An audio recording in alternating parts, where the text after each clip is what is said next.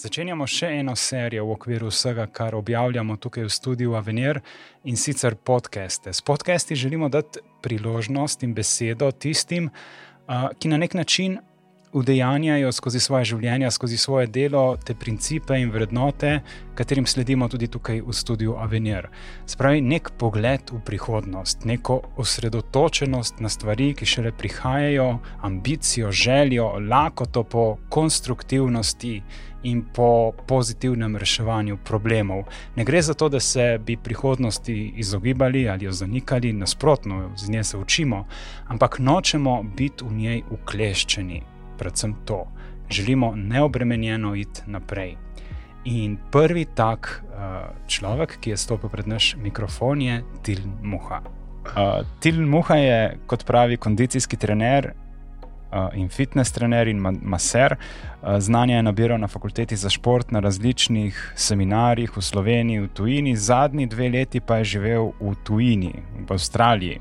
Kjer je svoje znanje prenašal kot kondicijski trener v nogometni ekipi iz Melbourna. Pravi, pravilno gibanje je ključ do uspeha, tako fizičnega kot tudi psihičnega, ni edina pot, je pa odlična popotnica za postavitev dobrih temeljev. Tilen, pozdravljen. Živijo. Povej, kako ste se, greva od začetka, povej, kako ste se športom sploh našla, kdaj se je to začelo, verjetno otroštvo že. Ma, Tu se je začelo, po mojem, vsaj kar se jaz spunam. Mama, ker sem bil jaz tu, po mojem, pred vrtcem, je mama fajn hodila na mlake, malo laufat, malo na sprehode, zmeraj smo šli skupaj. Tako da smo imeli en cajt zase, malo smo laufali, malo tekmovali en proti drugim. To je bilo tako lepo obdobje. Pol pa se je začelo vse skupaj, lih v prvem razredu.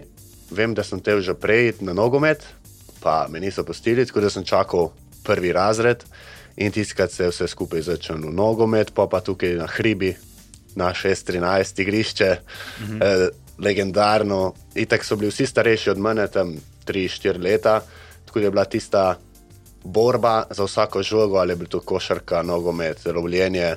Še toliko bolj poudarjena, tako da sem malo zgradil že tiskati svojo tekmovalnost. Um, kaj pa pol v srednješolskih letih? Uh, verjetno, verjetno so pa tudi ambicije zrasle, ni, ni, ni ostalo samo v S13 in domačih igriščih. vse skupaj, pol, prvi nogomet. Ja. Pol v tretjem razredu je ena taka štorija. En teden sem bil doma bolan, ne sem ok delati in sestra Špela je itak bila. Odlična in vrhunska v karateju, večkratna državna prvakinja, različne evropske Eh, dobre rezultate, cel svet obdala skozi karate. Tako da en teden sem bil doma, bolan, ne svedel, kaj delati, sem začel malo kate izvajati. Sam pri sebi rekel sem, da pokažem špela kako foro. In meni je ratalo tu zanimivo, tiskati je bil Sokol klub v Bistrci, ki me je špela delovala in tekmovala. In evo me, naslednji teden sem bil že noter v klubi, začel počasi s treningi, Špela mi je bila trenerka, mi smo se doma odločili, da bomo imeli trener in učenec odnos na terenu. Tako da smo se dobro ujeli, in pa se je začelo razvijati nogomet karate, bilo je dosti treningov, dosti se spomnim, da je bil vikend skoraj rekel, ubitačen za me. Čez teden rečemo pet treningov, soboto nogomet, nedeljo karate.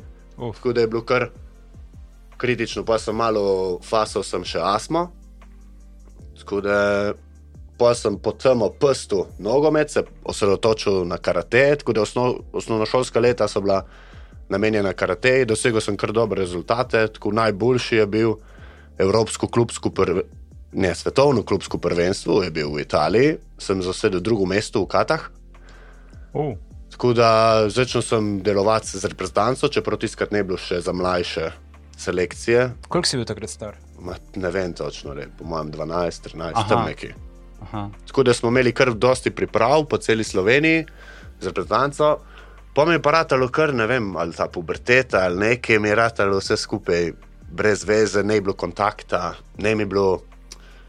Ne vem, neke želje, motivacije nisem več najdel in sem se vrnil nazaj v nogomet, Čeprav, po mojem, je bila tu največja napaka, da sem odpustil karatek, ko je tiskati kazalo kar zanimivo. Ampak no, zdaj smo tle. tako kot je bilo, je moglo biti.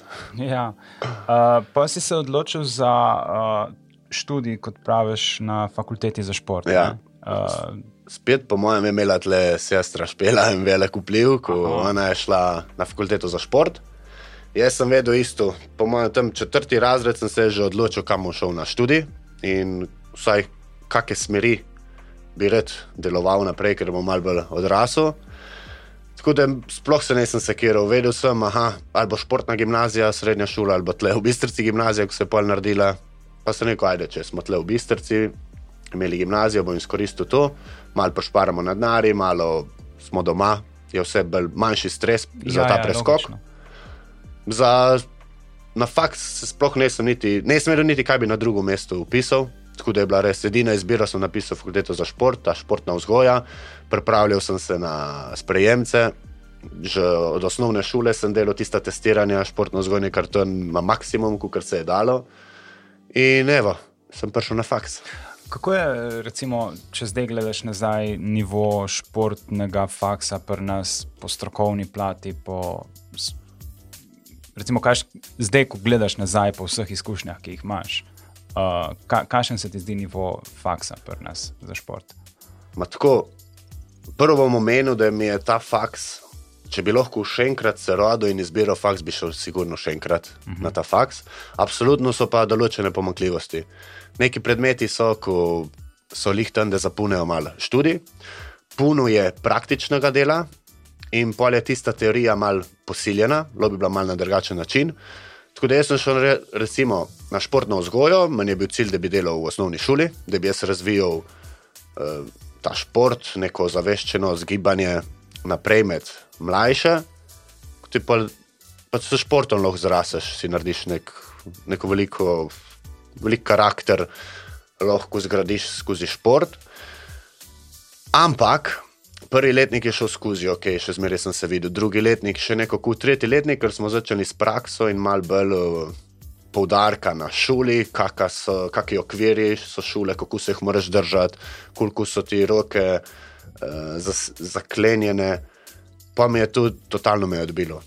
Tako da jaz bi rad imel proste roke, skozi gibanje, izmišljal neke nove variante, kako ljudem pomagati. Tam pa si v šoli, recimo, zakaj sem se odvrnil od uh, profesorja.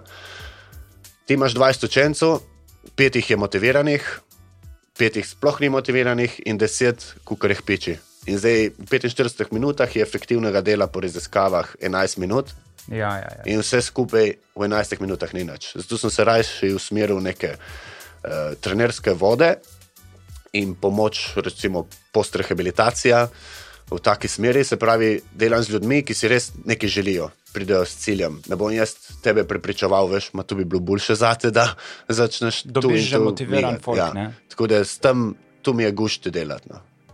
Um,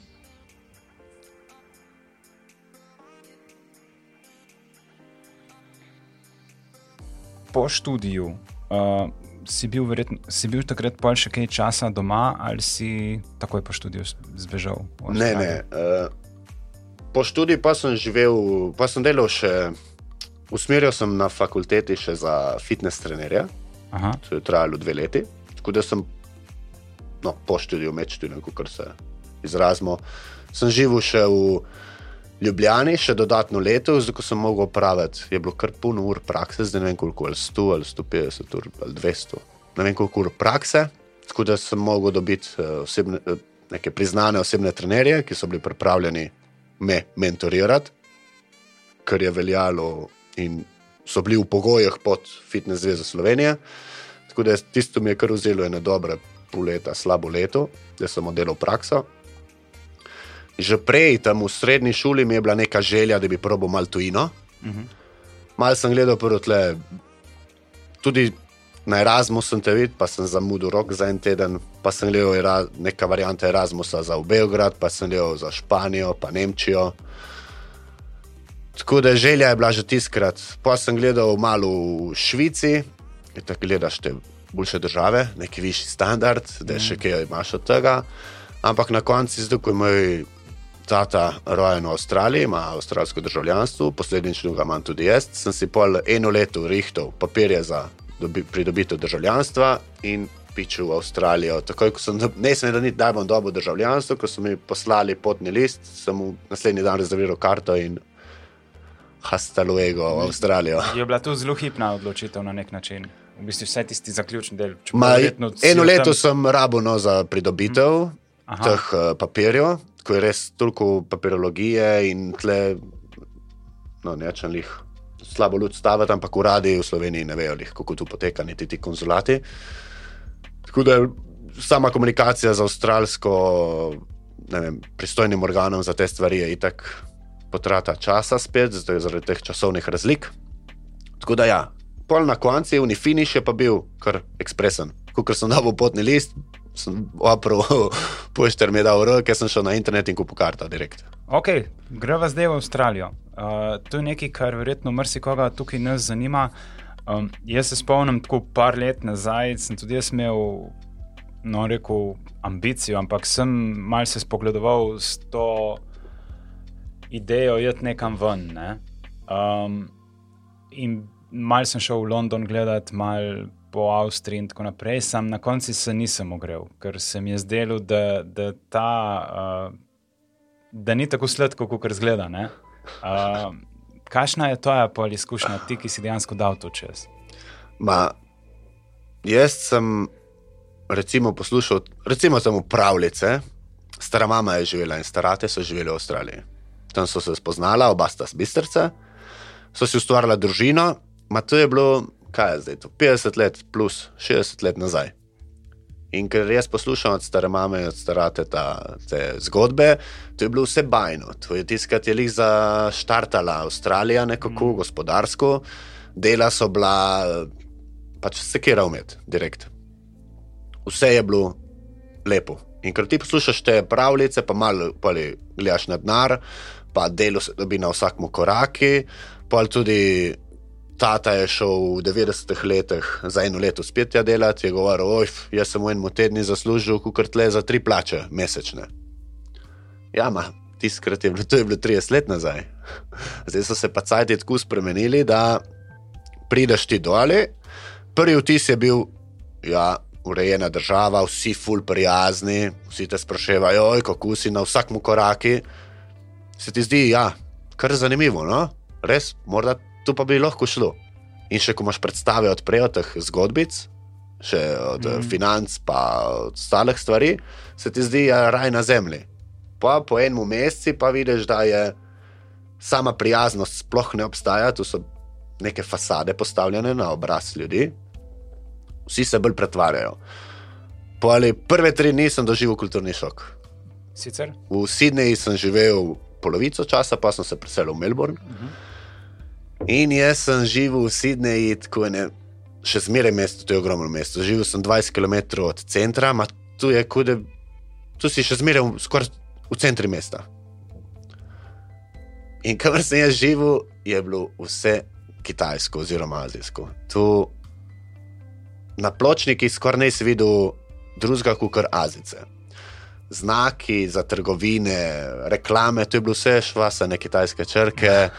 Jaz nisem vedel, jaz sem bil kar, kar malo šok te prime, kar noter v duši te začne stiskati. Pa kam sem prišel, sredi, sem sredi Pekinga ali sem v Sydneyju. Tako da ja, sem že prej slišal, no, da je puno priseljencev, še posebej Azico. Ampak, no, dokler nisem videl tu na lasni koži, je za rabo kar en lep cajt za se prevaditi. Pa za naprej z iskanjem službe, jaz sem za začetek razmišljal, ok, bom šel v svojo stroko. Verjetno, pozanimal sem se nekaj na zvezi eh, njihovi avstralski v tej smeri, da moram dodelati neke izpite, zdaj ko ne priznavajo nič razen njihovo.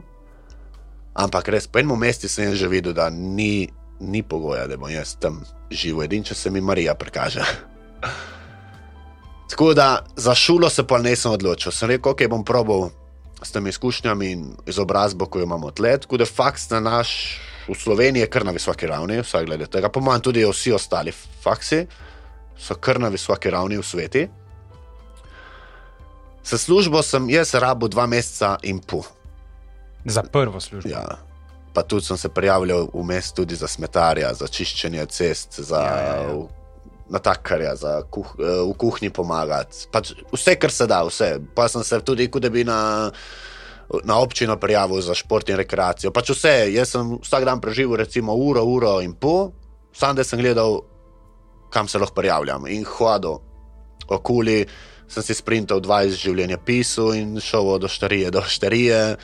Ma, prva stvar mi je bila, da kadar sem prišel, sem imel uh, tri cimre, vsi so bili avstralci, so mi rekli, prvi dan, brez vez, se težko kaj najde. Tako da, isto je, kot rečemo tle. Težko boš uspel brez vez. Edino, po mojem, kakšni računalniški programi ali IT variante, ki je tazga, ko je tu bolj v porasti, tu se tam išče. Zdaj, jaz sem pol najdel preko vez. No, še ena štorija, ali da povem.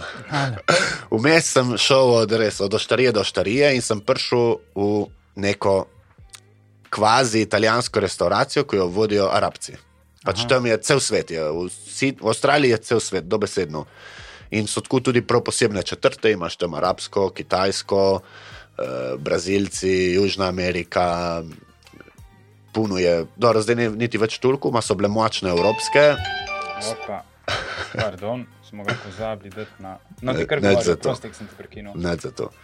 Prej so bile močne te evropske kolonije, naprimer Poljaki, eh, tle Balkanci, Italijani, Grki, Slovenci, zdaj pa je tu tako že malo šlo mimo, tako da so nove generacije prišle z drugih delov sveta.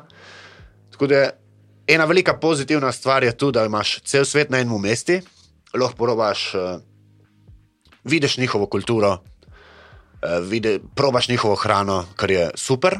Druga stran je pa, da vidiš, da tu ne, ne gre skupaj. Vsaj skozi moje oči, tu pač subjektivno mnenje, ne gre skupaj. In vsak s svoje kulture, tudi če se prilagodi, se ne more Turku prilagoditi drugemu, ko so čist druge kulture. In, Na kak način si to najbolj opažal? ma recimo, sam da hodiš po pločniki, vidiš, Kitajci delajo recimo, vse kontra. Naprimer, Naprimer, v Avstraliji furaš po levi, hodiš tudi po pločniki po levi. Kitajci nema veze, ki hodiš. Umikaj se mi, tu je. Aha, In take malenkosti ti kar malo poslabšajo dan. Pa recimo Kitajci, zdaj ne vem, če je Kitajc, no ima azijske rase, pljuvajo povsod in mečejo stvari, odpadke, ne glede, ki si.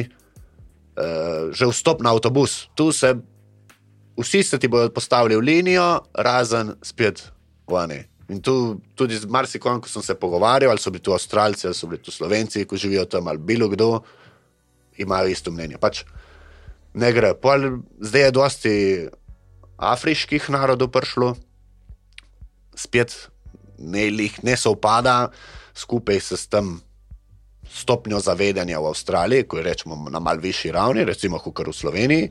Tam je še zmeraj kultura mal na nižji ravni in pa se tu odraža, ampak mediji skrivajo naprimer, te rope, tatvine. Tu se je dobro poznalo, naprimer v Melbourni, kamor sem živel, sem pa živel v centri, v Doklenci, je pa res taka nova četrt eh, ob Muri, uh -huh. ob reki, no, ko se zliva v Muri, res vrhunska lokacija. Je pa polno etiopijskih uh, mladeničev hodilo in so krali po blokah. Pač. Sam tu v mediji ne dajo ven, da ne zgaja neke panike. ja, ja, ja. No, dobro, pustimo tu na stran. Pol glede same službe, no, da se vrnem k tej italijanski restauraciji. Jaz sem prišel na razgovor, se malo pogovarjamo. Jaz sem že prej, kot študent, delal malo na takarstvi. In se pomenimo, vse, kdaj lahko začnemo. Jaz že vesel, hvala Bogu, po dveh mesecih, vendarle neka služba. In mi da urno postavko, kako je dal, 11 ali 12 dolarjev na uro, tu je 6 evrov, 6,5. ja. Ma to, ne, ko- ne poznam menjave. Tu, ko jaz z, uh, sem skoraj zaslužil, per uh, Danilo tek sem delal. V Bistrci, ne v Ljubljani, v Bistrci. Ne sredi Sidneja, kamor so stroški in najemnine malenkost drugačni, kot tle pri nas. Kot da bi gledal, ne vem, evrov. Ma ja, re, ja, za dva evra, evo, nekaj tasga. Ma sem rekel, hvala lepa, sem, res sem se nasmejal, sem rekel, prostite, ko se smejem, ma jaz grem naprej. In oni me gledajo, pa koliko misliš, da boš? Sem rekel, ma za začetek pod 20 dolarjev ni variante, pa se ne pridem skozi. Je rekel, a no, no. no ma, če, boš, če češ pridi v petek, kao, probat. Sem rekel, no, no, če bom prišel, bom prišel, če ne me ne bo. Tako da pa sem prek vez dobil pri enih drugih italijanah, dobil sem še v nekmu varianta. Oni full gamblajo, imajo te uh, avtomate, igre na srečo, tako da v enem takmu sem dobil za začetek, pol naprej sem začel delati v eni pisarni, spet prek vez dobil vse, ne gre tu kar tako. V pisarni, ko se je ukvarjala uh, s spletnimi posojili denarja, tako zanimiv sistem, tam sem se puno naučil glede denarja, glede marketinga, glede mlado podjetje, ko se fully razvija in mislim, da bo tu kar v prihodnosti prevzelo način plačevanja. Mhm. Pol ti mes, tedenski sestanki, kako vse tu je povezavi s Facebookom, kako iščejo kupce, ko ti, ko kar daš podatke, ti sledijo, marsikaj. Je fuf, kar šok bil, kaj vse vejo od tebe, pa ti ne veš tudi, da oni to vejo. To je kar zanimivo.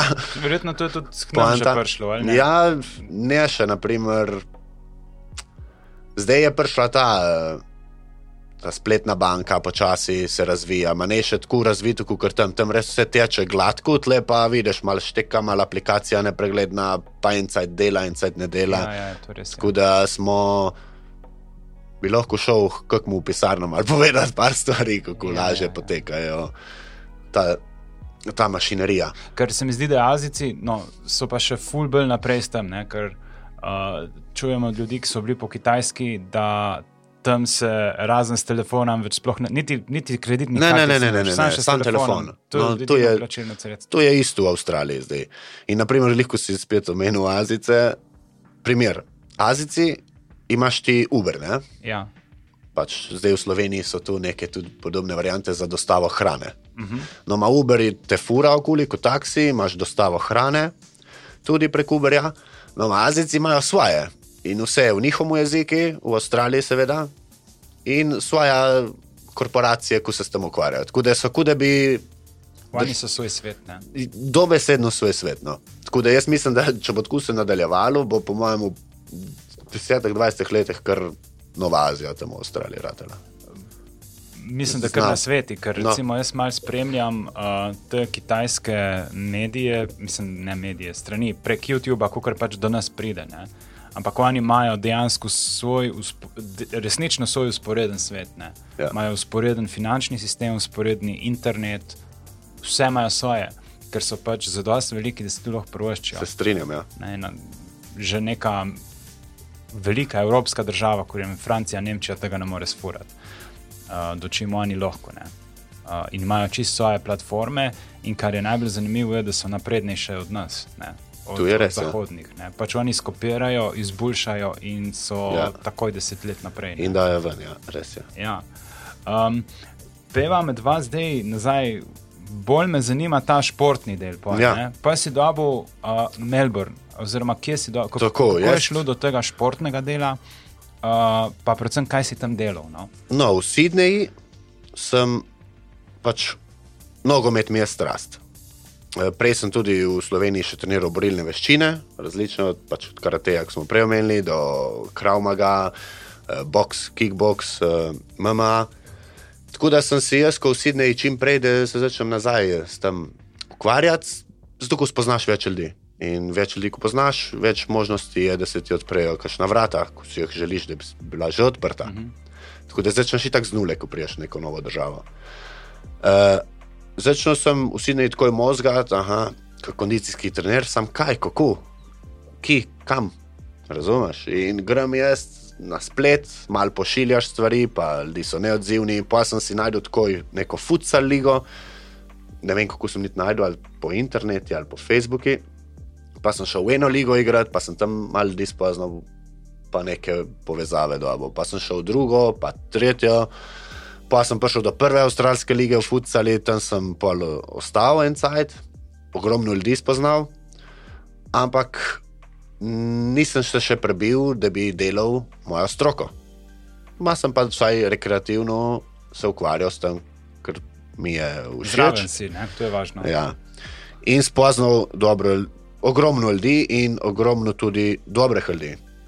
Z enimi smo, kot da bi se poznali že 20 let, no, komunicirali rečemo po enem mesecu. In ful sem z njimi hodil ven, imel neko družbo in recimo, tako, da ne bomo samo govorili, da smo nastrojeni proti eh, rasam, je poreklo Iračan, musliman, ma bili smo, kot da smo brati, evo tam, res. Pač za- zanimivo je v Avstraliji, lahko mi, ko smo igrali futsal, smo hodili na te tekme, pa tudi v Ameriko smo šli, pa po celi Avstraliji. S- Ker smo šli na kosilo, smo za mizo je sedel do besedno cel svet. Se pravi, jaz Slovenc, eden je bil iz Iraka, eden je bil iz Brazilije, eh, tretji, četrti je bil Korejc, eh, peti je bil Jud. In pol je zanimive so štorije, ker prije mal heca, musliman juda zafrkava, jud muslimana in to je pač tako sproščeno vzdušje, brez nekih predsodkov in uh, zadržkov. Tudi Imaš- res razširjen. ja, ne? Imaš pozitivne, imaš negativne stvari.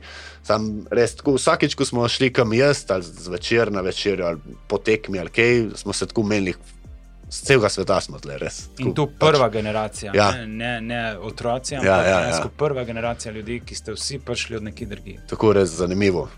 Pač neka taka, prav pogreje mi srce, zdaj ko se spune, tako res lepa, lepa izkušnja. Kako se da bivati uh, skupaj, če vsak malenkost se prilagodi. To je res. No, in pole, jaz iščem te stvari za mojo stroko in noč nikjer. In kar naenkrat se povežem s, z Melbournom, eh, South Melbourne se kliče nobenni klub, dol v Melbourni živi naš eh, gršče. Aha. V Sydneyju je kus z jablance, ko smo se družili, tle z bistrce. Z grščeta sem se jaz, par, markrat, parkrat smo se videli, sem šel jaz v Melbourne, nekaj sem, sem šel tudi s futsalom na neko tekmovanje. In uh, od uh, Grščeta, spravi od Davida Prijatu, je deloval tam v klubi, Slovenc, uh, Nate Coleman.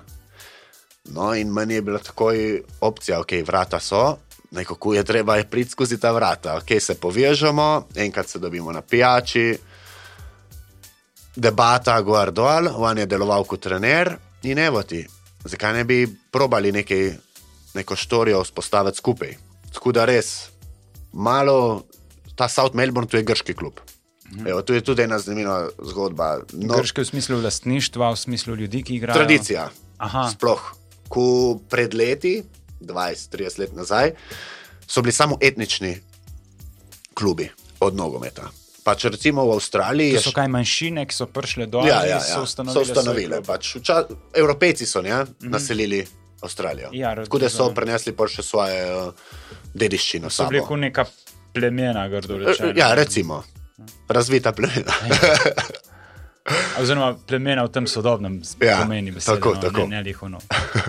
No, in v Avstraliji je glavni šport je avstralski nogomet, Mhm. drugi je rugby, tretji je kriket, in pa ali verjetno je. Hm, Kak, eh, morda tenis, atletika, Tenis je golf, velik, ja. in pol pride šele nogomet, naš, ko ga mi, soccer, ko ga mi poznamo.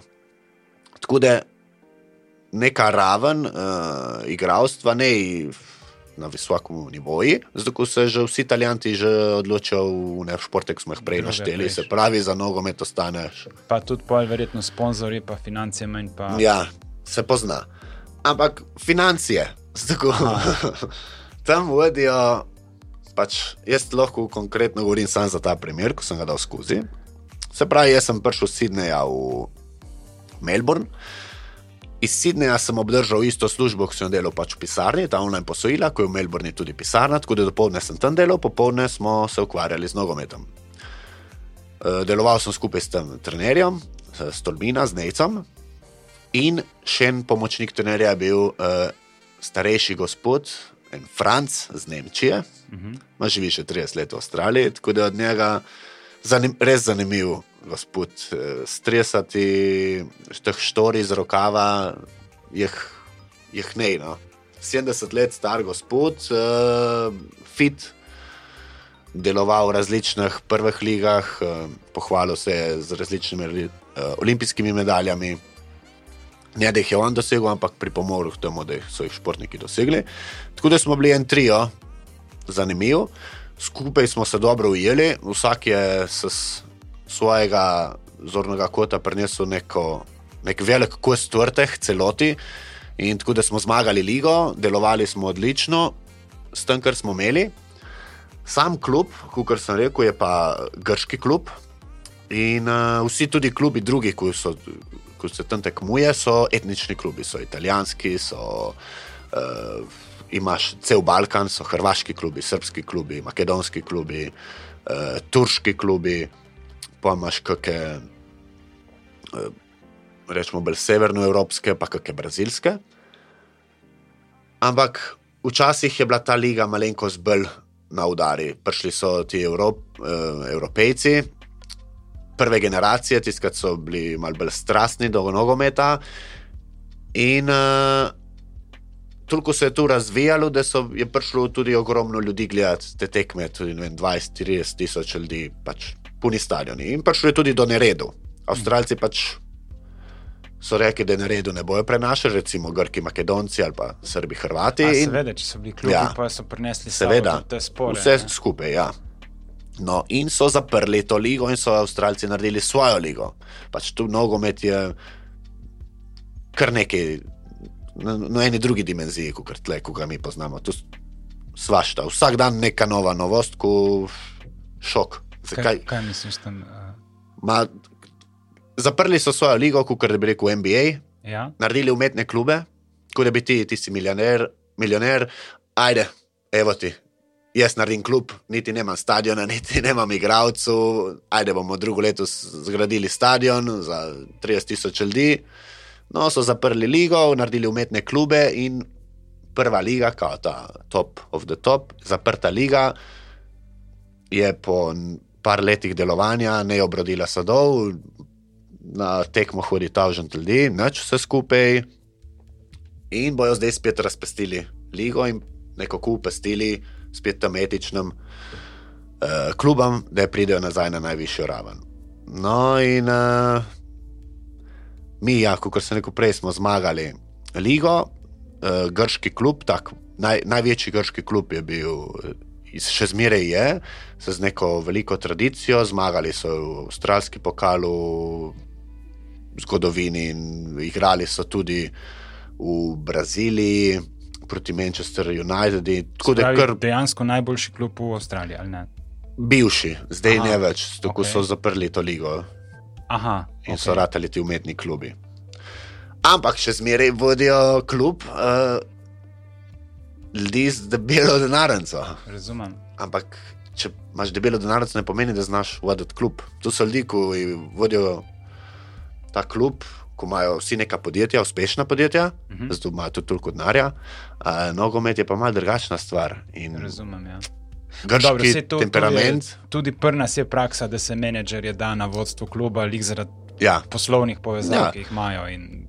Sam mislim, da ta grški temperament dela največjo razliko, trma in to je to.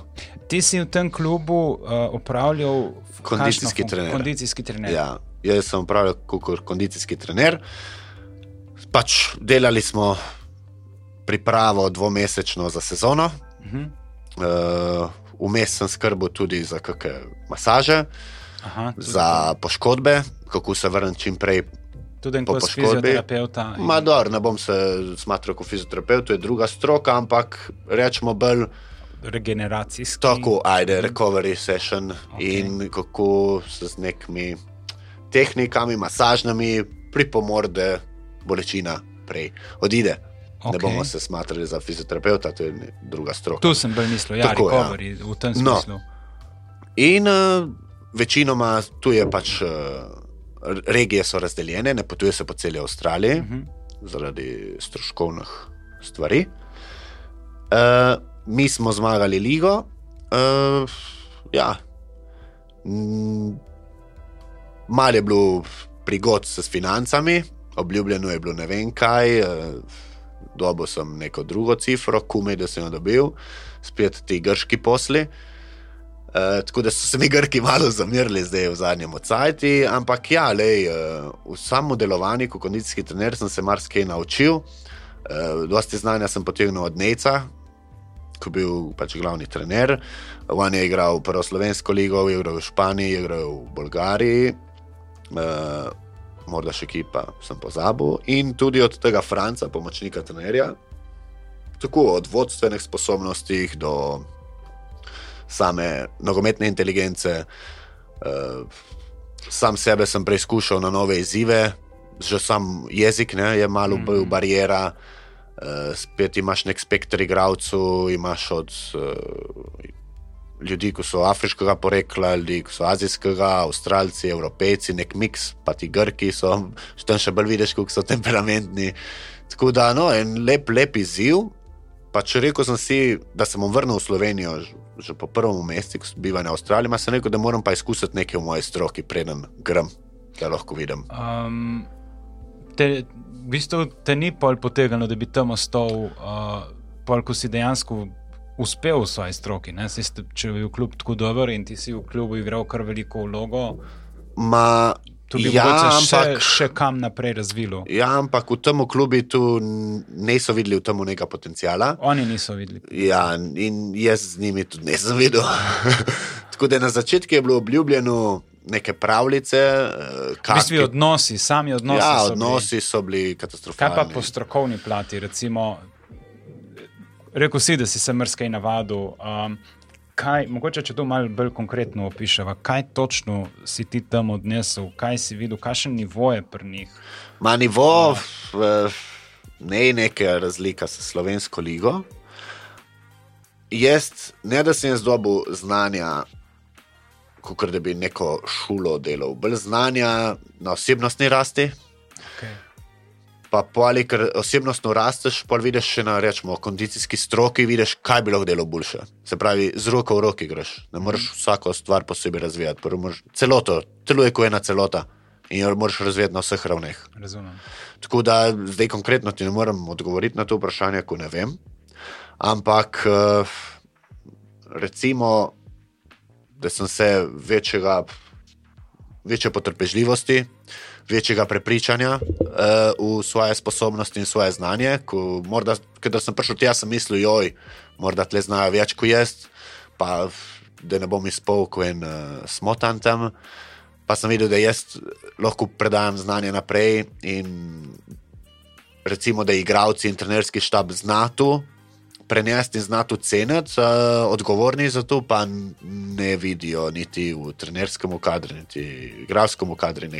So predaleč. Ne, ja, ne znajo, ne znajo recimo, voditi kluba in ko ne znajo voditi kluba, potegne vse to, ne znaš videti malenkosti, ko se stavljajo. Pač Kocke male, ko se stavljajo mozaik. Razumem. Da... Si kaj probavo dali tudi kot uh, freelancer, uh, tako za obči folk, biti ali trener Ma, ali maser. Ali... Vse te fitness variante, probo sem da čim več fitnessa skozi. S vlastnimi treningi, ker sem šel zase potrenirati, da vidim, kakšna je razlika. Fitness centru. Tako je, ja, fitness centru. Da vidim, kakšna je razlika Slovenija, recimo to, kar sem jaz dal skozi, pa kakšne naše sosedske države v Sloveniji, ko sem šel kot fitness, pa da je primeren za Avstralijo. In? Pač na zunaj izgleda vse, oh, in sploh, si misliš, uf, že sama. Ne vem, če greš na spletno stran, vidiš, ta marketing je že malo bolj po ameriškem privdihi narejen. Uh, same stavbe, sami uh, opremljenost fitnesa, una, prvi vtis je wow, oh in sploh. Pa pa, ko malo spremljaš, še si tako vsak fitness, greš, malo spremljaš še trenerje. Tako, pač, kot je rekel, poklicna informacija. Ali pa morda se od koga naučiš. Malo gledaš, pač, kaj delajo. Ja, Zato se lahko naučiš, če je res kako dober. Ne, ne rabiš plačati. Ajde, plačaš karto dnevno. Ga malo gledaš in. No, vidiš malo skup pristop. Kako komunicira, na kak način se sploh posveti stranki, ali kako se štrka po telefoni, ali kako se pogovarja s stranko, ali ga sam da tam neki laufat. Ma, jaz mislim, da pač v Sloveniji ne tako razvito to osebno trenerstvo, bi lahko bilo še na višji ravni, Pač so določeni, ko delajo vrhunsko, so določeni, ko ne delajo vrhunsko, tu je kot vsak, kot da bi šel v avtomehanike, eni delajo Jasno. dobro, eni delajo slabo. Pač Jasno. tako je posod. Ma mislim, da so v Avstraliji malenkost slabši. Od evropskih. Ja, vsaj to, kar sem jaz videl. Ko, ne vem, če bi, bi morda sem videl, rečemo, karikiram, deset trenerjev tam v Avstraliji, pa sem rečem, recimo hodil v en fitness en mesec, pa si pa že vidiš, no, kako delujejo ti ljudje, kot trenerji. Ma, ne vem, če je kak trener, ko bi mu jaz zaupal svoje telo, vsaj tam bil. Tako vse je šlampasto, vse na ven zgleda, oh in sploh, pa pa vidiš, da je tam bolj mani mani. In Ogromnega marketinga, verjetno za. Ja. manj vsebine. ja, tako pač prodajajo ti škatlo brez vsebine. Tako. E, Kako pa je zdaj, recimo, pri nas? Recimo, zdaj, ko si rekel, da pri nas tu še ni toliko razvito, jaz mislim, moja razlaga bi bila ta, da se ljudje še ne odločajo toliko za osebne trenerje, kar posledično pomeni, da je trg manjši, šipkejši in pa je normalno tudi ljudje, ki tu delajo, se ne morejo razvijati. Ne? Če nimajo se na kom razvijati. Ma ne, Misliš, da ni jaz se tle ne strinjam. Ne? Lej, dela je, tu je absolutno. Aha, Ampak, če tičeš, je dela, če ti čakaš, ne bo dela. Tu je razlika. to je res. Zdaj, ogromno je, tre- ma nečem zdaj nekaj uh, žaliti, tudi jaz nisem moh in sploh. Pač znanje moraš pridobivati cel, ži- celo življenje, tako da jaz se še zmeraj učim in se bom učil, pomagam do zadnjega diha. Vsi smo na tem, če smo. Tako da tisti, ki misli, da vse ve, je že korak nazaj naredil, To oziroma dva. E, Razlika pri nas je, da vidi, no, v Avstraliji je štuko bolj, ampak mi, oziroma določeni osebni trenerji vidijo tu kot en hiter zaslužek. Lej, tam jaz bom nekaj pršel, se zmislil par vaj. Prej sem hodil zase tako v fitness, zdaj sem si naredil six-pack in bom ajde jaz trener. Zakaj pa ne bi zraven delal? Jaz ne dam, uh, ne rečem, da je tu narobe. Pač ti probaš in če se ljudje tebi prijavijo in ti dajo denar, pa hvala Bogu, izimani. Problem je bil ta, da ni neke zakonodaje, ni nekih uh, stvari, ki bi lahko tu nadzirale, da ne jih vsak trener. Uh, ampak ja, kadar delaš ti s človekom, to je en, ena kompleksna stvar, ne samo mišica in kosti, še marsikaj zdrav, zraven. Se pravi, del, treba delati na psihološki ravni, preden sploh začneš trening, da vidiš sploh, kako energijo ima tisti dan človek, ki ti je prišel na trening. Lahko je imel stres, stresen dan, delo, družina, ne veš kaj, lahko je imel svež, full dober dan. No, to bi treba prilagajati trening, treba se pripraviti za vnaprej. Ne moreš priti tja pa se zmišljati nek hvaj. Se pravi, nekega strokovna znanja morda malo premankeva in tu predvsem so krivi ne ljudje, ki se odločajo za osebne trenerje, ampak organizacije, ki ponujajo licence za osebne trenerje. One spet poberajo denar, se pravi, tu zdaj gledamo vrh piramide. One so krive, oziroma država je kriva, pasti tam organizacijam, da dajo licence. Pol je eh, licenčna kampanja, eh, kompanija kriva, ko na ta sistem dela, spet pobere denar, neko vsebino poda, ampak ok, da mi denar boš že naredil. ti Vse samo sebi namen. Ne? Ja, in pol delajo tudi določene trenerji na ta način. Ma, lej, zdaj pa mora vsak pri sebi presoditi, koliko ima čisto dušo, koliko je iskren. Lej, jaz tu znam, tu ti ponujam za ta denar. Sam, tu je problem zdaj, zato ker mogoče konkurence še ni zadosti, ker prej ali slej trg tu spuca. Ne? Ja, spuca ljudi.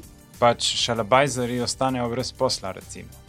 Ja, ali pa ne, novi ljudi se rojevajo, novi ljudi pridejo. To je, No, okej. to. Samo problem je, da ljudje so ne ozaveščeni dobro, oziroma lahko, kar bi bili glede gibanja, in tu je posledično tudi kriva šula.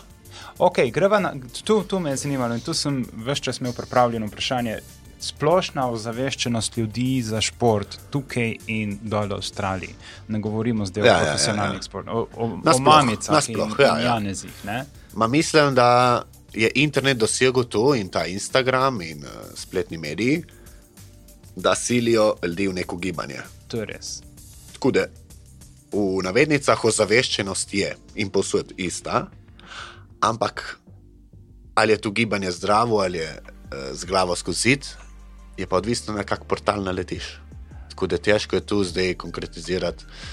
Na Avstralijo pa Slovenijo. Tu je res, ampak bolj sem mislil na to, koliko je ljudem jasno, da morajo, pač tu, da morajo del dneva v to. Ma Tako, dajmo vzeti primer Avstralije. Jaz sem živel samo v mestih, Sydney in Melbourne, to so večmilijonska mesta. V mestih, eh, recimo, so ljudje, ki živijo z malenkost višjim standardom, pač ogromne najemnine oziroma cene stanovanj. Razlike so tam, pač tisti, ki je tam bogat, je krepko bogatejši od teh naših. ne. Ja, ja, ja, tu so razlike.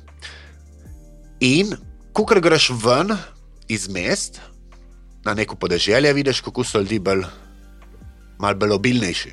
Mm. Tako da se ta ozaveščenost, kar naredijo, rečemo, v eni uri furanja z avtom, dveh urah furanja z avtom, da jih priješ ven z mesta, kot drugače. Ne prideš še v eni uri ven z mesta. Uh, ja, vidiš takoj razliko, že samo da greš z avtom po cesti, vidiš na pločniki drugačno konstitucijo uh, ljudi. V mestih je pa tu in, vsaj tako sem jaz dobil. Tu je že trend. Ne? Tu moraš, ki delaš v pisarni in po deli, po vsemornem delu, ki ne greš v fitness, pa kaj je stava, ti nesi in. Tu je neka una, modna muha. Tudi statusni simbol. verjetno. Tako, statusni simbol, evo. Točno te besede sem jaz ko bravo. Um, se mi zdi, da prna sta zavest rase. Ne? Ja. Ker, uh, sam ni pa še toliko. Um, vidim, recimo, jaz se spomnim, 20 let nazaj smo bili tri, ki smo po črnih nivah laufali. Ne? Res je. Sem še mulj. Zdaj se kar vidi ljudi in recimo, če je lepa nedelja, je gor kubo že pot, ne?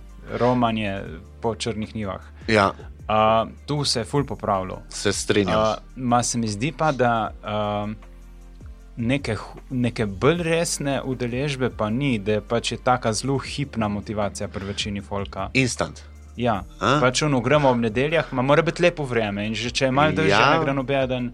Zakaj bi Um, se šel močiti? tako. Iščeš mali izgovor in si ga najdeš. Tako, uh, zelo taki. Zelo, zelo bom rekel, tako sterilni, eh, ni, ni une predanosti, da bi nekdo vedel, da mora res nekaj vložiti, če kaj nekaj jemati. Se mi zdi pa, da na občem nivoju še ni. No. Eh, Se strinjam, ja. Ampak recimo jaz sodelujem z 5-6 let s koronarnim društvom, to je Aha. za srčne bolnike. In uh, so zelo aktivni uh, na tem področju ozaveščanja gibanja, tako da imajo tudi skupine, vadbene skupine, kar pune po celi občini. So kar res številčno obiskane. Tako da se počasi, vsaj te starejše generacije, ko so malenkost staromodne, pa morda težje jih je premakniti, ne. Ja, ja. No, tako je. Ja. Vidijo, kaj je, uh, kaj pripomore neko pravilno, zdravo gibanje za jeti čez vsak dan. In lažje, recimo, z več kondicije, z več energije, z okrepljenimi mišicami, že izboljšajo svojo držo. Aha, me hrbet ne boli toliko, lažje grejo po stopnicah. Uh, lažje, če se jim zdrzne, zdaj ko je zima, ko so ledene stopnice, če se jim zdrzne, lažje se ujame, ujamejo, oziroma če padejo, so še zmeraj kosti toliko močne mišice, da te obvarujejo pred nekimi poškodbami. In pol vidijo tu na lastni koži. Ampak dokler ti ne klikneš v glavi sam pri sebi, ne boš neko stvar sprejel. In s tem, ko se starejše generacije ozavešča, se posledično, ko domino efekt pada na mlajše. In zdaj ta nove generacije, ko prihajajo, rečemo, vključno z mano in še mlajši, je že zaradi medijev in eh, teh influencerjev in eh, ostalih uh, gurujev, že bolj ta princip, u moram gibati. Samo ne pa še so recimo neki portali v Sloveniji, ki so dobri in delajo na tem, da ozaveščajo, probajo zavestiti pravilno gibanje in jim kar uspeva. Tako da je ena velika pohvala na tem področju in jaz mislim, da vsaj s temi ljudmi, ko jaz delam, jaz, nečem, jaz ne delam, pač bližnjic ne v življenju, ne obstajajo bližnjice. In uh, jaz čem ljudem dopovedati, da probajo nek zdrav način življenja vključiti v svoje življenje. Ne tu, da aha, en mesec na dieto, zgabati uh, 8 kg, Pa pa nazaj, znotraj, ja, znotraj sebe prav umreš. Škodiš svojim notranjim organom, psihi, eh, dodaten stres povzročaš, in pol naslednji mesec jih dobiš nazaj. In ki smo? Samo škodiš svojemu telesu, na mikroravni, kamoli poli še glava, psiha, eh, samopodobra, samozavest in Točno take stvari. tako. Tako da jaz To je tako zelo staromoden, Ja. ne vem, se mi zdi, včasih se tako delalo. Ja, Zdaj je jasno, da to ne pelje nikamor. Tako da jaz z unmi, ko sodelujem, pravim, nek počasi vcepeti, ampak vsak mu moraš svojo stvar vcepeti. Ne bo ista stvar delovala za te, kot za me. In, naprimer, ko sem bral od Bruslija knjigo, je rekel, moraš biti kot voda. Točno. Če vodo daš v šalco, se bo dalo v obliki šalce, če jo daš na krožnik v obliki krožnika, če jo poliješ po mizi, bo šla dole. In tako moraš, delo, tako moraš delovati. Kaj, kaj ti, se bova vrnila še na to, ampak kaj ti ta trenutek delaš, uh, zdaj, ko si tukaj? Videl sem, da si uh, odprl na Facebooku svoj page. Ja, ne? res je. Uh, kaj, kaj ti zdaj delaš, no? čisto enostavno? Ma tako, uh, trenutno delam na tem, da bi si uporil varianta kliniko. In zakaj temu tako? Pač, Kliniko deva tu bolj definirati. ja, bom zdaj obrazložil. Uh, mislim, kliniko, druge besede pa ne najdem še. čas. Uh, Ja, bližje. Tako je. Okay. Druge besede trenutno ne najdem, ampak dajmo reči, ajde kliniko. Zakaj kliniko? Uh, če si ti zlomaš roko, bojo tretirali samo poškodovano mesto. Si ti nategneš štetivo, bojo zdravniki tretirali samo poškodovano mesto. Mi smo pa celota. In jaz bi, so kakšne klinike, ampak ne še na taki ravni, kot bi jaz tev, da bi pomagali človeki celostno. Različne strukture na istem mestu. Rečemo samo, ok, povežemo uh, postrehabilitacijo, se pravi, končaš fizioterapijo, ma ne si še pripravljen za neko aktivno delo nek aktiven šport. Moraš še eno fazo med po fizioterapiji in pred eh, samim 100% aktivnostjo še oddela, se pravi, temu se reče postrehabilitacija. No, povežemo samo postrehabilitacijo, osebno trenerstvo ali pa kondicijsko pripravo in neko sprostitev, masažo, uh, vključeno s- z neko meditacijo ali dihalnimi vajami. Tega skoraj ne moreš nikjer dobiti na enem mestu. kot en paket. Ja. Kot, kot neko celostno Se pravi, tebe ja. kot človeka. Ja, res je.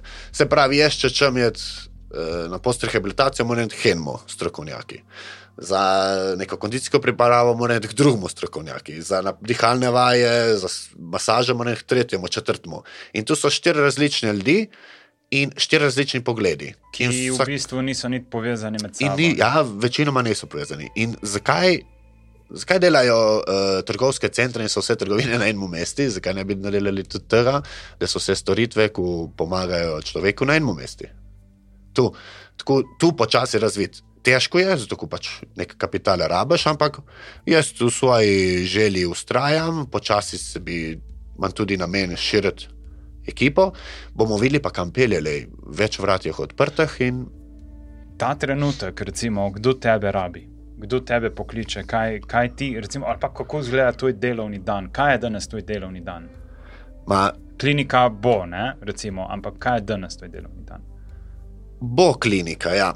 Pač bolj, Danes mislim, kaj se, s čim se fokusiraš na osebno trenerstvo, na masaže. uh, Kaj ti danes ponujaš nekomu, ki recimo zdaj to posluša in se zanima za te? ma delujem, ja, recimo osebno trenerstvo, ta fitness trener varianta. Ja. To je zdaj, določene ljudi pridejo, recimo, shujšati. Mhm. Ok, ustrežeš stranki, pokažeš svojo filozofijo, kako gledati na življenje. Ok, to smo obkljukali. Če se odločiš še kaj naprej, če če delati na sebi, hvala Bogu. Druga stvar je, en se če bolj pripraviti, recimo za nek dogodek športni, ali je tu nek športnik, ali je tu rekreativski, bi šel na športni dogodek, delaš na razvoju eh, boljše, recimo, ali moči, ali ravnotežja, ali eksplozivne moči, eh, ali pa skupek vsega. En se če sam boljše počutiš skozi dan, več energije, odpraviti neke težave. Eh, ponujaš neke pakete, lahko vključiš z masažo in lahko pride eh, na masažo ali pa na neko masažno terapijo zaradi določene poškodbe in pride sam zaradi sproščanja. Zdaj, trenutno ne imam vsega še povezanega skupaj, ampak delam na tem, da se poveže skupaj. Pol de- delujem tudi po klubah, Mhm. bolj v Bistrci. Uh, ne bom se poglabljal bolj v to, ampak rad bi dvignil še šport športni nivo v Bistrci je malo više, kako stopničko 2-3, s, s novimi projekti. Tako da več kot tudi ne morem še povedati, ampak ja, V redu, v redu. zaenkrat je to to. Um, kašen, uh, kašen se ti zdi nivo dela tukaj? Uh, ker se mi zdi, da v Bistrci, ali pa je sploh značilno za take majhne kraje, in v končni fazi tudi Slovenija je še zmeraj majhna država ne, in ima to isto karakteristiko, samo mogoče malo teže videti, da stvari prihajajo v valovih. Imáš ne vem, eno generacijo smočarjev, pa pol 20 let noč, pa imaš eno generacijo košarkašov, pa pol ne vem 20 let noč. Pa karate je bil en cajt, full velik, recimo v ja. špeljenih cajtih, pa malenkost še prej, ko sem tudi jaz treniral, Ja. so bili državni prvaki non-stop, a to je bilo tako enih 5-6 let, pa pol spet nič. Uh, zelo težko je vzpostaviti Konstanto. konstanto ja, ker, ker je pač zelo odvisno od generacij. Ne? Ma, po eni strani mislim, da kot sam narod smo mi, ne vem kako, res smo špo, športen narod. Pač vrhunske rezultate na določenih področjih in disciplinah dosegamo. Uh -huh. Ne vem, kaj bo truje k temu, tudi verjetno uh, športna vzgoja oziroma šport ali gibanje v šolskem sistemu je. Imamo kar veliko število ur napram drugim državam, tako da velik, zna imeti tudi tu veliko ulogo. Zdaj, spet, meni se zdi, da zveze ne delujejo v dobrobit uh, športniku, rekreativcu, klubu, ampak bolj delujejo spet na dobrobit denarja. Samih sebe. Ja, in tu posledično poveze eno z drugim. Tako da mislim, da imamo tle ful, ful, ful, puno potencijala neizkoriščenega. Recimo, če samo na našo občino se skoncentriramo. Uh, so določeni, oziroma je en klub, ki deluje dobro, se izpopolnjuje, uh, ima nekako soliden, dober kader, trenerski, in so določeni klubi, ki delajo, jo imamo trenerja, uh, ti si starš od enega mulca v tvoji selekciji, ki boš ti malo prevzel to. In ti, kot trener, lahko razvijaš svojega športnika, oziroma igralca, na svoj nivo, oziroma stopničko nad svojim nivojem. Če si dober pedagog, če znaš predajati znanje. Ja. Ma če je ta tvoja stopnička od 1 do 10 na številki 3, ga lahko razviješ maksimum do 3 oziroma 4, ma ostale stopnice so prazne in So to je nedosegljene. maksimalno, kar lahko dobiš. In pri nas se dogaja, da se dosti igralcev, mladih športnikov zgubi med prestopom iz osnovne šole. V srednjo šolo, zato ko dosežejo že znanje svojega trenerja in jim postaje, postane Plus nezanimivo. puberteta. Ne? Plus puberteta. Pa vsa druga zanimanja, ki takrat kar najlepem butnejo Ja. glavo in še kam drugam. Ma, vem, tudi moja generacija, ker sem še jaz treniral, je bil ta preskok, uh, fuf, kar veliko osip je bil. No. Sam ta osip je posod, recimo ta osip je tudi v orkestri, ta osip je pač. e- En osip je osnovna srednja šola, drugi osip je srednja faks, Ja, je ne, res. ki gre folk eh, dejansko v Ljubljano. Ampak jaz mislim, da bi še zmeraj mogli povezati uh, šport s, z šolo. Naprimer, no, ajde, ne, določeni starši, bolj mame, skrbijo za svoje otroke. Joj, pa zdaj, če boš treniral, ne boš imel cajta za šolo. Cajta za šolo je, če se organiziraš. Tudi raziskave v Sloveniji kažejo, da odličnjaki, pač oni, ko imajo večinoma dobre ocene, so tudi dobri v športu. Prej Tako da- obratno. Mislim, obratno, oni, ko so dobri v Ne, ne, drugo sem te reči, pardon, sem te prekinil, ampak recimo jaz tu pri sebi opažam, sem tudi pisal že. Um, Kadar recimo, sem v športu ful dober in discipliniran, in mi gre, se tudi ostala področja življenja ful bolj No, tako, porihtajo evo. in so disciplinirana in so boljša. ne. Je res. Um, in kadar šport zanemarjam, se posledično ali pa hkrati zanemarjajo Ima tudi efekt, ja, ostale, mislim, seva svoj efekt na ostala področja življenja, ne, privatna in strokovna. Um, Tle bi jaz tem mamicam šel prej kontra. Ne. No, sej tu jaz, jaz sem kontra. Da, da šport v bistvu ti, ti da disciplino, ne samo na dolgi rok, izgradite, ja. na vsakodnevni ravni. Te prisili, da si organiziraš dan in si pa toliko bolj efektiven povsod. Tako, morda sem nerazločen povedal, pač jaz sem rekel v tem smislu, da mame dajo še neko potuho, To, po mulcam. to je boljša, boljši. Ja. Tako dajo, da itak ješčemo bližnjice vsi. Pač, zakaj bi šel s cone obdobja, če ne rabiš jed? Je- Ma moraš jesti s cone obdobja, da rasteš. Tako. Samo, če lahko pospiš še eno uro, zakaj bi vstal ob sedmi, če lahko ob osmi? In če ti še en potrdi, ma ja, da je pospiš eno uro, mm. pa zakaj? In če si še mlad, nerazvit, nemaš svojega pogleda eh, narejenega, pa ja bom, pa se je mama rekla. In da ti tu ceplja, mama je s tabo ur na dan. Uh, na treningi si pa recimo eno uro, eno uro in pol, da ti ta trener, prav trener, ko ima neko in karakter dober, in znanje dobro, in zna prenašati znanje, da ti lahko cepi neko stvar. Da, Jaz mislim, da poleg vsega tega je pa tukaj še ta moment, da je tudi v Sloveniji prisoten, da bi vsi teli ful na hitro rezultate in da se premalo razmišlja, da treba delati res na dolgi, dolgi rok, a, graditi generacije in generacije. Ne? no, A, ja, Da res ne je. bo vse ta prvi moment. Ne? Tu je Oz, oziroma, da tudi takrat, kadar nam gre dobro, pozabimo razmišljati, uh, Kako je bilo prej. Ja, in nastavljati semena za čez Ja. 10-15 let. Ne? zmeraj novo stopničko si postaviti. Tako. Realno, oziroma malenkost nad realnostjo, da te še vleče naprej. Tako, tako. Ampak jaz vidim problem v spet spleti te eh, socialna omrežja. Meni se zdi, da ti, rečemo, influencerji oziroma ljudi, ki imajo profile z ogromno sledilci, ne vejo, kako moč imajo. In mogli bi bolj ozavestiti te ljudi, da imajo ogromno moč na svoje sledilce. Se pravi, enem so vzori, eni bojo delali to, kar oni obla, obnavljajo, uh, objavljajo na, med, na teh spletnih portalih oziroma socialnih omrežjih.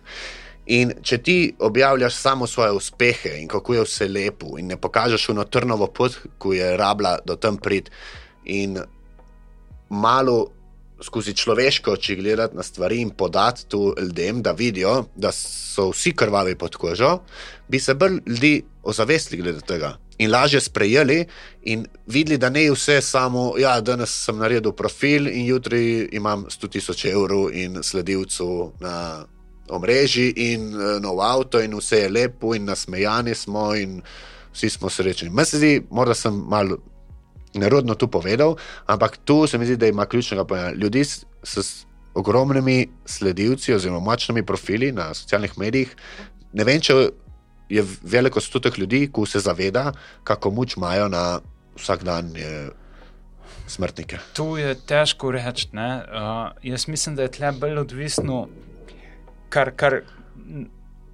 kar bi jaz rekel, glede uporabe spleta, je ta, da uh, niso vsa socialna omrežja za vse dobra. Ja. In da uh, moramo tukaj doseči en mal višji nivo, vsi kot uporabniki in kot tisti, ki objavljamo. Ne? Da recimo, uh, meni je, bom povedal, kako jaz zaenkrat stvari uporabljam. ne. Uh, Instagram mi je, uh, ima funkcijo motivatorja za me. Ne? Imam gor full nekih tekačev in ne vem, kolesarjev in gledam njihove čase in gledam, kako trenirajo. In tudi tisti dan, ko se mi recimo ne daje ven, uh, grem sam enkrat čez Instagram in Te se prisili. takoj, sem takoj motiviran. Ne? In vem, da sem v zadnjem letu kot tekač, recimo, full naredil napredka, lik zaradi tega, ker sem si uh, naštimal v ta newsfeed ljudi, ki so bistveno boljši No, od mene. je bravo.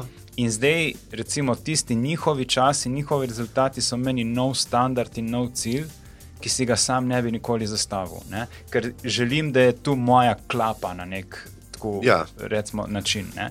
Dočim, uh, ampak ni pa, ni pa Instagram medij, ki bi bil zelo primeren za prikaz unga vsega, kar je mogoče odzad. Tle vidim bolj YouTube ali pa Facebook, tudi do neke mere. Ne? No, no. Uh, YouTube si lahko vzameš čas, narediš daljši video in pokažeš vse v nosranje, kako laufajo po blati, po dežju, Ja, po ja. mrazi. Ja. In uneta grde treninge, ne, um, ki jih noben neče delati, pa jih moraš narediti. ne. Uh, tako da tu je odvisno od medija. Ne? Recimo, si izbereš uh, Instagram, bom imel za motivacijo.